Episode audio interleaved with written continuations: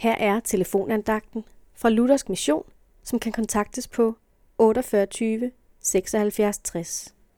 Andagsholderen i dag er Lars Petersen. I Matteus evangeliet kapitel 11, vers 2-3 læser vi.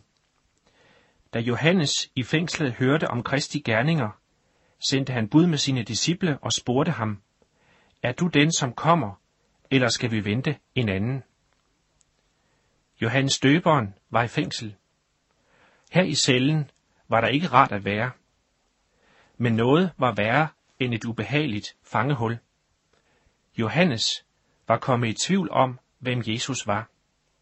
Og derfor spørger han, er du den, som kommer, eller skal vi vente en anden? Kender du til det?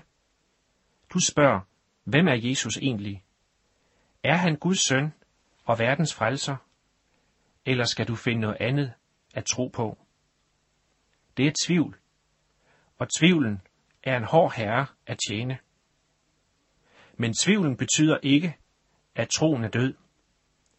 Tvivlen findes nemlig der, hvor troen og vantroen kæmper mod hinanden. Og der vil jeg sige til dig, du må gå til Gud med din tvivl. For det gjorde Johannes. Du må håbe på Gud. Du må sige til ham, hvordan du har det, og være ærlig. For Gud har lovet, at han vil svare dig. Og ingen, som kommer til ham, bliver vist bort. Amen.